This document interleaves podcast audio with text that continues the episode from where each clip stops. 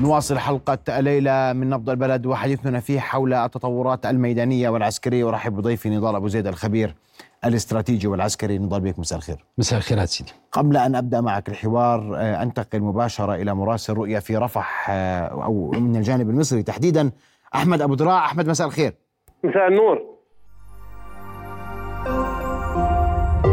رؤيا بودكاست. آه، أحمد أريد أن تنقل لنا الصورة على الجانب المصري من معبر رفح لأن تكرمت آه، الصورة على الجانب المصري من معبر رفح هو يعني الصورة المعتادة منذ أكثر من 50 يوم وهي آه، اصطفاف عشرات الشاحنات من المساعدات في انتظار الدخول إلى قطاع غزة حسب الترتيبات يعني يوميا مثلا ما بين 100 أو 150 شاحنة يوميا تدخل إلى معبر العودة ومن ثم إلى قطاع غزة. هذا فيما يخص المساعدات. آه، بجانب شاحنات الوقود المنتظرة أمام المعبر. آه، هناك أعداد من الرعايا مزدوجي الجنسية يخرجون بشكل يومي ما يقارب من 600 إلى 700 من الرعايا آه، يخرجون من معبر رفح بشكل يومي. بخلاف عدد من يعني إصابات حوالي 20 مصاب يخرجون يوميا من معبر رفح إلى المستشفيات المصرية. نعم. أحمد هل هناك من حركة غير طبيعية على بعض الرفح من الجانب المصري على أقل تقدير باستثناء ما أه، ذكرت؟ حتى حتى الآن يعني الحركة أه، ثابتة منذ أكثر من كما حدثتك منذ أكثر من 50 يوم. لا توجد أي حركة غير طبيعية أمام بوابات بعض الرفح. شاحنات الوقود شاحنات المساعدات الرعايا يخرجون والمصابين هذا هو وضع معبر رفح في هذه اللحظات وفي الأيام الماضية. يعني لا جديد حتى الآن في الموقف أمام معبر لكن أحمد هل هناك أي هل هناك تحركات عسكرية مختلفة على الجانب المصري في معبر رفح؟ آه لا لا ليس هناك أي تحركات عسكرية كما هي كما هي ثابتة منذ بداية الحرب آه لم لم تتغير حتى الآن. طب كان هناك حديث عن تعديلات آه, آه، يعني للمعبر على الجانب المصري؟ آه يعني لا لم يخرج أي مصدر يوضح أن هناك تعديلات ولكن في بعض المواقع نشرت صور لم تتأكد حتى الآن. آه، ولكن آه، هو من الطبيعي أن تكون هناك إجراءات مشددة حسب تصريحات الجانب المصري أنه يعني منع بات لهجرة الفلسطينيين إلى الأراضي المصرية. كما تحدث كل المسؤولين المصريين تحدثوا عن ذلك. في الطبيعي لابد من أن يكون هناك إجراءات أمنية مشددة لمنع آه، مثل هذا الموقف من الحدود. يعني هل هناك اي هل هناك إجراءات أمنية مشددة على الجانب المصري لمنع أي عملية تهجير قسري للفلسطينيين تجاه سيناء المصرية؟ منذ بداية الحرب هناك إجراءات أمنية على في الجانب المصري آه، هي كما هي لم تتغير. الإجراءات الأمنية من بداية الحرب حتى الآن لم تتغير. هي هي يعني هي تغيرت في في بداية أحداث الحرب. كان هناك تشديدات أمنية ما زالت موجودة حتى الآن أمام معبر أشكرك كل الشكر أحمد أبو دراع مراسل رؤيا من الجانب المصري لمعبر رفح. كل الشكر لك أحمد. نضل بك مساء الخير مرة ثانية. مساء الخير أبرز ما تطور خلال 24 ساعة ميدانيا. اليوم نتكلم عن دخولنا في الشهر الثالث من العمليات العسكرية. اليوم هو اليوم الواحد والستين وبالتالي دخلنا في الشهر الثالث لهذه العمليات العسكرية إذا ما رجعنا لبداية العمليات العسكرية وتصريحات الجنرالات الإسرائيليين قالوا أن العملية العسكرية لن تتجاوز الشهر الأول أو الشهر الثاني بأقصى حد شهر ثالث. وبالتالي نحن نتكلم عن العد التنازلي وأن الساعة الرملية للعملية العسكرية حسب تصريحات الجنرالات الإسرائيليين قد بدأت عكسيا. اللي غيروها بعدين هم يقولون نعم. الحرب تطول. بالتالي الآن اليوم أعطي الضوء الأحمر. من قبل الجانب الأمريكي للجانب الإسرائيلي حين قال الجانب الإسرائيلي نحتاج إلى وقت العمليات الإسرائيلية العمليات العسكرية لأن الجانب الأمريكي وعلى لسان وزير الخارجية الأمريكي. بلينكين قال أن العمليات يجب أن لا تتجاوز يناير القادم بداية 2024 إذا نتكلم عن أسابيع أمام الجانب الإسرائيلي والاحتلال قوات الاحتلال لإنجاز مهمتها. ماذا تحقق؟ لا إنجازات على الأرض يمكن الإشارة لها كإنجاز عسكري واقعي يندرج ويندمج مع الإنجاز أو مع الهدف الرئيسي للعملية العسكرية وأود أن أذكر به مجددا وهو القضاء على حماس وخلق واقع أمني جديد بعد 61 يوم من العملية البرية. لا شيء ولا مؤشرات ولا وقائع على الأرض تشير إلى أن العملية والإنجاز الإسرائيلي يتجه باتجاه الهدف الرئيسي. قلنا يوم أمس من شاشة نبض البلد أن العمليات ستتركز واتجاه العمليات باتجاه ثلاث مناطق رئيسية شمال قطاع غزة باتجاه جباليا والشجاعية. قبل ما أجري التفاصيل العسكرية اسمح لي آه، جيش الاحتلال يتحدث أنه حاصر السنوار قبل قليل وأنه موجود تحت الأرض وأنه حاصر المنطقة التي يتواجد فيها في خان يونس. وكأنه يدلل على معلومات استخبارية وردتها تتفق مع ذلك أم أن هذه الرواية تعود لبروباغندا الاحتلال أنه قريب من آه، اصطياد آه، أحد أهدافه التي لم يصلها حتى اللحظة؟ نعم. تعليقا على هذه النقطة في الذات دعني أربط بثلاث أحداث رئيسية. أولا هناك خلافات داخل الحكومة الإسرائيلية. وظهرت يوم أمس من خلال المؤتمر الصحفي الذي قام به جالنتس وجانس آه، ويؤاف جالنت ونتنياهو هذه الخلافات يبدو أن نتنياهو أراد الظهور بمظهر إنجاز معين حققه أمام مجلس الحرب أو أمام الشارع الإسرائيلي، لذلك ظهرت هذه الفقاعة الإعلامية أنهم اقتربوا من بيت السنوار، ولا يمكن أن هناك أي عرف عسكري أو سياسي أو أمني يشير إلى أن آه، آه، سواء آه، السنوار أو غير السنوار من قيادات قد يقود العملية من منزله أو من داخل منزله وبالتالي هم حاصروا منازل كثيرة. الأمر الثاني والمؤشر الثاني دعني أربط بما تكلمنا به قبل يوم أو يومين من نبض البلد حين قلنا أن القوات الإسرائيلية قوات الاحتلال قامت بالزج بلواء كفير وهذا اللواء آنذا قلنا أنه من الألوية النخبة وهدفه الرئيسي البحث والتفتيش. ولكن آنذا قلنا لا نعرف حتى الآن أين يعمل هذا اللواء وبالتالي يبدو أن الزج هذا اللواء في العمليات يبدو أن واجب الرئيسي البحث والتفتيش لأن رئاسة الأركان الذي يرتبط بها هذا اللواء مباشرة تريد الوصول إلى هدف معين كقيادة أو كشخص يمكن أن تستند منه بعد الوصول للعملية إلى 61 يوم حتى تقول أننا أنجزنا إنجاز معين من خلال القبض على هذا الشخص. وأعتقد أن الزج بلواء كفير مع الإعلان الذي تكلمت عنه أستاذ محمد وهو محاصرة بيت السنوار مع الخلافات السياسية الموجودة داخل مجلس الحرب كل هذه مؤشرات يمكن الخروج منها بخلاصة أن السياسة الإسرائيلية المتهالكة والتي بدأت تضيق أمام الخيارات تريد الوصول إلى أي إنجاز ولو كان صوريا.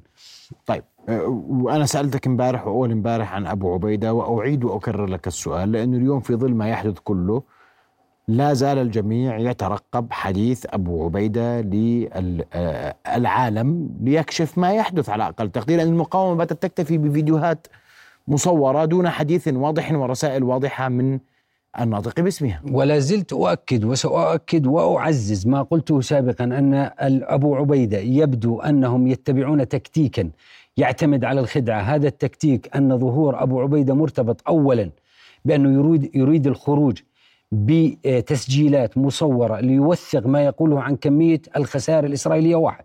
اثنين هو يريد الخروج ليس بهذا التوقيت بالذات وإنما بعد خدعة الجانب الإسرائيلي حين يقول وقد اقتربنا من ذلك بالمناسبة، حين يقول أننا وصلنا للقضاء على أحد قيادات حماس وقد يكون أبو عبيدة من ضمنهم ثم بعد ذلك يخرج أبو عبيدة ليدمر الرواية الإسرائيلية ويكشف زيف الإسرائيليين ويورط الإسرائيليين أكثر آه، اعلاميا. الشيء الثالث والمؤشر الثالث الذي يعزز ما نقوله أن وجود طائرات وهذا الخبر انتشر على كل وكالات الإعلام أن وجود الطائرات الاستطلاع البريطانية والزج بها في العمليات ونحن نعرف كفاءة طائرات الاستطلاع البريطانية بالإضافة إلى طائرات الاستطلاع الإسرائيلية يبدو أنها عسكريين يعني طيب كفاءة طائرات الاستطلاع البريطانية هي كفاءة عالية جدا ويبدو أن المقاومة التقطت الإشارة أن هذه الطائرات جاءت لاستطلاع الأشخاص وليس فقط استطلاع تحركات المقاومة. وبالتالي منذ انتشار هذا الخبر هناك نوع من الحد من تحركات المقاومة. لم نلمس آه، ظهور لي ليس فقط لأبو عبيدة أيضا لأبو حمزة وهو كان ناطق إعلامي باسم آه، سرايا القدس. وبالتالي يبدو أن الوتيرة آه، التي يعمل بها الجانب الحذرة التي يعمل بها المقاومة واضحة جدا. هم يعملون على الاستخبارات المضادة بشكل جيد جدا في حين أن الجانب الإسرائيلي بدخول هذا الكثافة العالية من الاستطلاع يعمل على الاستخبارات الهجومية. وبالتالي نحن أمام مشهد استخباري واضح جدا من استخبارات آه، هجومية واستخبارات مضادة لهذه الاستخبارات الهجومية من قبل المقاومة. طيب تابعنا اليوم مشاهد المقاومة وهناك العمليات العسكرية. أبدأ بالعمليات على الخارطة كيف كان شكلها اليوم؟ نعم. إذا ما ذهبنا ما تكلمنا به يوم أمس وقبل أمس قلنا أن محاور العمليات الرئيسية سواء في شمال قطاع غزة ستنحصر في جباليا وفي منطقة الشجاعية وهذا ما حصل بالضبط منذ 24 ساعة ماضية ونحن نسمع أخبار بكثافة عالية جدا وبالمناسبة ليلة أمس كما تكلمنا من نبض البلد لم يكن هناك قصف جوي بسبب الضباب والطقس السيء بينما كان هناك قصف مدفعي. معظم العمليات القصف والتدمير التي حصلت هي حصلت من فترات صباح اليوم أي بعدما تحسنت الحالة الجوية. في شمال قطاع غزة وبالتحديد دعني أذهب إلى الخارطة ونذهب ولوجا إلى منطقة العمليات العمليات حتى تتضح الصورة. آه، منذ صباح اليوم تقدمت قوات الاحتلال على المحور الشمالي الشرقي من قبل الفرقة المدرعة 162 آه، ووصلت إلى تخوم جباليا دخلت قوات الاحتلال إلى جباليا ونجحت المقاومة بجر قوات الاحتلال إلى داخل جباليا وشاهدنا ما شاهدنا من كثافة عالية جدا من مقاومة ومن آه، رصد لقوات الاحتلال وبالمناسبة المشاهد التي ظهرت إذا ما رصدنا فقط المشاهد التي ظهرت ظهر فيها عمليات تدمير لجرافتين وست دبابات من نوع مركافة في هذه المشاهد الموثقة وبالتالي هذه معلومات وليست تحليل أو تقييم. هنا إذا ما ذهبنا إلى الرواية الإسرائيلية حول الإصابات حتى مساء اليوم وبالتحديد حتى الساعة السابعة مساء تم الإعلان رسميا عن مقتل آه، ضباط اثنين وثمان جنود. وبالتحديد واحد منهم كان لواء آه، من من الألوية الإسرائيليين. وبالتالي نتكلم عن عشر قتلى من جيش الاحتلال حتى السابعة مساء. هذا من نوع العمليات الكثيفة جدا مقارنة مع عدد التسعة الذي ظهر قبل عدة أيام وعدد السبعة الذي ظهر في الأحد قبل الماضي. وبالتالي وتيرة العمليات العسكرية والخسائر الإسرائيلية ترتفع. ومع ذلك أنا لا أثق في هذه الرواية الإسرائيلية ولا أثق في هذا العدد مقارنة مع المقاطع التي تم نشرها. نتكلم عن جرافتين وأربع دبابات. إذا ما أخذنا بعين الاعتبار أقل عدد ممكن أن تحمله الدبابة هو أربع أشخاص وهو الرامي والإشارة والمدفعي وسائق الدبابة. إذا نتكلم عن 24 فقط في المشاهد المصور. هذا موثق. أما بالنسبة للجرافات نعتبر أن كل جرافة كان فيها اثنين واحد أصيب وواحد قتل وبالتالي نتكلم عن عدد تفوق أو زاد عن عدد الثلاثين قتيل موثق بالمقاطع المصورة التي تم نشرها. هذا فيما يتعلق بجباليا فيما يتعلق بالشجاعية لم تستطع حتى اللحظة حتى اللحظة وأؤكد على هذه العبارة قوات الاحتلال من الوصول إلى الشجاعية. يبدو أن هناك مقاومة شديدة جدا من كتيبة الشجاعية من كتيبة المقاومة. ويبدو أكثر أن من يقاتل بالشجاعية هم قوات النخبة القسامية. والسبب في ذلك أن عملية أن وتيرة العمليات مرتفعة أن الإصابات عالية وأن القوات الاحتلال لغاية هذه اللحظة ونتكلم عن عن 61 آه، يوم لم تستطع الدخول بالشجاعية، هذا يعطي مؤشر كبير جدا على أن خسائر الاحتلال قد نلمس خلال الساعات القادمة آه، خسائر كبيرة جدا وقد نشاهد المزيد من المقاطع في الشجاعية بالتحديد، جباليا لا تزال تقاتل رغم إعلان قوات الاحتلال، الشجاعية لا تزال تقاتل، وهذا كله في مناطق شمال قطاع غزة، اذا أين الرواية الإسرائيلية التي جاءت على لسان وزير الدفاع الإسرائيلي وتكلم أن أننا نسيطر على مناطق شمال قطاع غزة.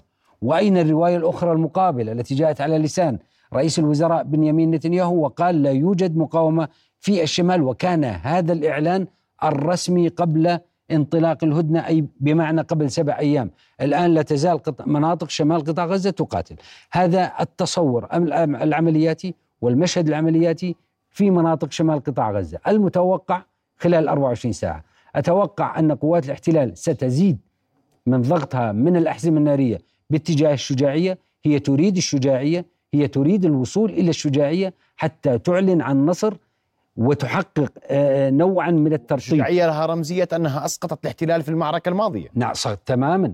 في 2014 كان لها رمزية كبيرة جدا الشجاعية ولا تزال تقاتل. وأعتقد أن المقاومة ستستموت في الدفاع عن الشجاعية.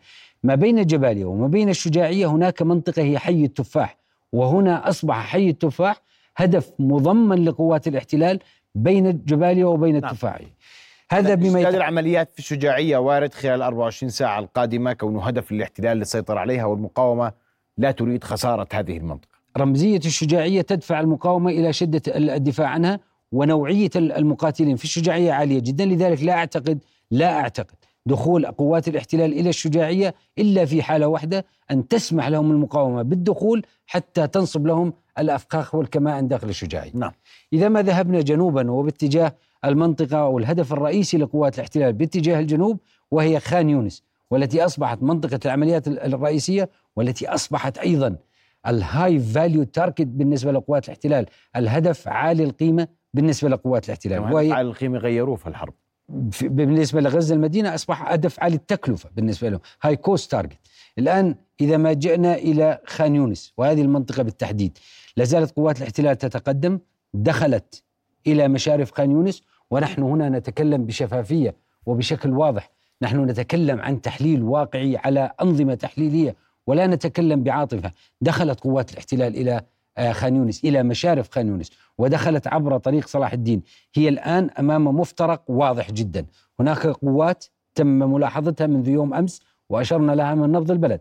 تتقدم على المحور القادم من كوسو من, من كوسوفيم باتجاه طريق صلاح الدين وصلت إلى مشارف آه، خان يونس. المحور الجديد أو الطريق الجديد الذي ظهر عليه قوات وهو طريق عبسان هذا الطريق الذي يأتي من آه، الحدود حدود الغلاف مع قطاع غزة طريق عبسان باتجاه بني سهيله إلى القرارة. بالتالي التقاء قوات الإسرائيلية قوات الاحتلال عند منطقة القرارة. ماذا تريد قوات الاحتلال من هذا التحرك أو من هذا الشكل من العمليات؟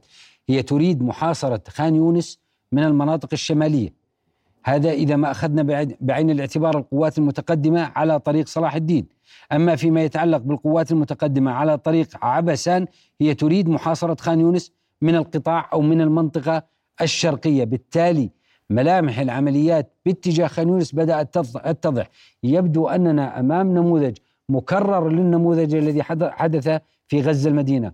محاصرة المدينة محاصرة خان يونس ومن ثم الإطباق عليها بالأحزمة النارية وتطهيرها بالنيران ثم دخول القوات. بمعنى أن هذا قد يحتاج إلى وقت. نتكلم عن ثلاث إلى أربع أيام حتى يتم إن نجحت قوات الاحتلال بمحاصرة خان يونس، لكن هل تنجح قوات الاحتلال بالحصار؟ هذه الخطة الموضوعه لقوات الاحتلال، أنا أعتقد في ظل المقاومة التي شاهدناها في الشجاعية وشاهدناها في جباليا، أعتقد أننا قد نشاهد مقاومة أكثف منها لأن المقاومة تحتفظ بأنساق قوية جدا وقوات النخبة يبدو أنها تستمكن في مناطق خان يونس، لذلك يبدو أن مذبحة قوات الاحتلال ستكون في خان يونس. وأعتقد أن الوصول لكن الإعلان عن مجمع ناصر الطبي كما تم الإعلان سابقا عن مجمع الشفاء أليس في ذلك يعني نوع من الغباء العسكري إن صح التعبير للاحتلال؟ سيدي النموذج يتكرر نفسه نموذج غزة المدينة يتكرر في خان يونس الإعلان عن مجمع الشفاء ثم الإعلان عن مجمع ناصر آه، محاصرة غزة المدينة ثم الآن العمل على محاصرة خان يونس يبدو أن هذا ما قلناه من حلقة يبدو أن الخيارات بدأت تضيق أمام الماكنة العسكرية الإسرائيلية. هي لا تملك طرف الوقت ولا تملك طرف الخيارات. بالتالي لا يوجد امامها خيارات أخرى. استخدمت كل القوى الضاربة الجوية وضربت المناطق بكثافه الآن الجانب الأمريكي حصر الخيارات أكثر حين قيدهم ببداية يناير القادم. نتكلم عن أسابيع. وبالتالي هل يستطيع إنجاز هذه المسافة التي تزيد عن 30 كيلو متر في مناطق جنوب القطاع أنا أعتقد أن القوات الإسرائيلية ستستعجل بمحاولة إنجاز قيام أي إنجاز يذكر على الأرض وهنا سيكون مقتل قوات الاحتلال إن استعجلت في العمليات العسكرية. وأعتقد ما أشرت إليه أستاذ محمد فيما يتعلق بموضوع بيت السنوار ومحاصرة محاصرة بيت السنوار يصب في هذا الاتجاه بأنهم بدأوا يستعجلوا بالحصول على مكسب بري أو مكسب ميداني معين حتى يشعروا الجانب الأمريكي بانهم حققوا شيء. أمريكا لا تقدم كل هذه المساعدات وكل هذا الدعم بدون العسكري. والسياحي بدون نتيجة. أود أن أشير إلى نقطة قد تكون جديرة بالاهتمام وهو تحرك المقاومة داخل المنازل. نرى أن التحرك لا يكون منفردا والتحرك يكون ثلاثي. الثلاث مقاومين يتحركوا مع بعض. هذا يعطي مدلول على مدى الانضباطية العالية التي تتمتع بها المقاومة. هذا تكتيك عسكري معروف في القتال بالمناطق المبنية. لا يجوز القتال منفردا ولا يجوز الدفاع منفردا. القتال بنظام البدي وأشرنا إليه من حلقة نبض البلد. وبالتالي القتال يكون إما مزدوج وإما ثلاثي. وبالتالي عندما نرى المقاومين يتحركوا بنظام الثلاثي وشاهدنا هذا بالمقطع مسجل هذا يعطي مدلول على أن هناك انضباطية عالية جدا من قبل المقاومة في تنفيذ فقرة التنفيذ الذي تم التخطيط لها. وهذا يشير أيضا إلى نقطة ثانية. النقطة هي أن التخطيط مركزي من قبل القيادة التي تتحكم بالعمليات لدى المقاومة وأن التنفيذ لا مركزي. هان التنفيذ واضح جدا أنه لا مركزي، هم أخذوا الخطة الرئيسية وبدأوا يطبقوها، يتحركوا من منزل إلى منزل، يستهدفوا الأهداف عالية القيمة وهي الدبابات الإسرائيلية ويتحركوا بشكل آه، مزدوج وليس ليس بشكل منفرد، وهذا يعطي مدلول. على مدى الانضباطية الموجودة لدى المقاومة ومدى الانفلات في فقرة التنفيذ لدى قوات الاحتلال. نعم. بدي أشكرك كل الشكر نضال أبو زيد تتوقع أن تستمر العمليات في ذاتها في ذات الإطار التركيز على الشجاعية جباليا وأيضا خان يونس في الساعات القادمة. تماما سيدي. نعم، أشكرك كل الشكر نضال أبو زيد الخبير الاستراتيجي والعسكري على وجودك معنا في هذه الليلة، شكرا جزيلا لك. رؤيا بودكاست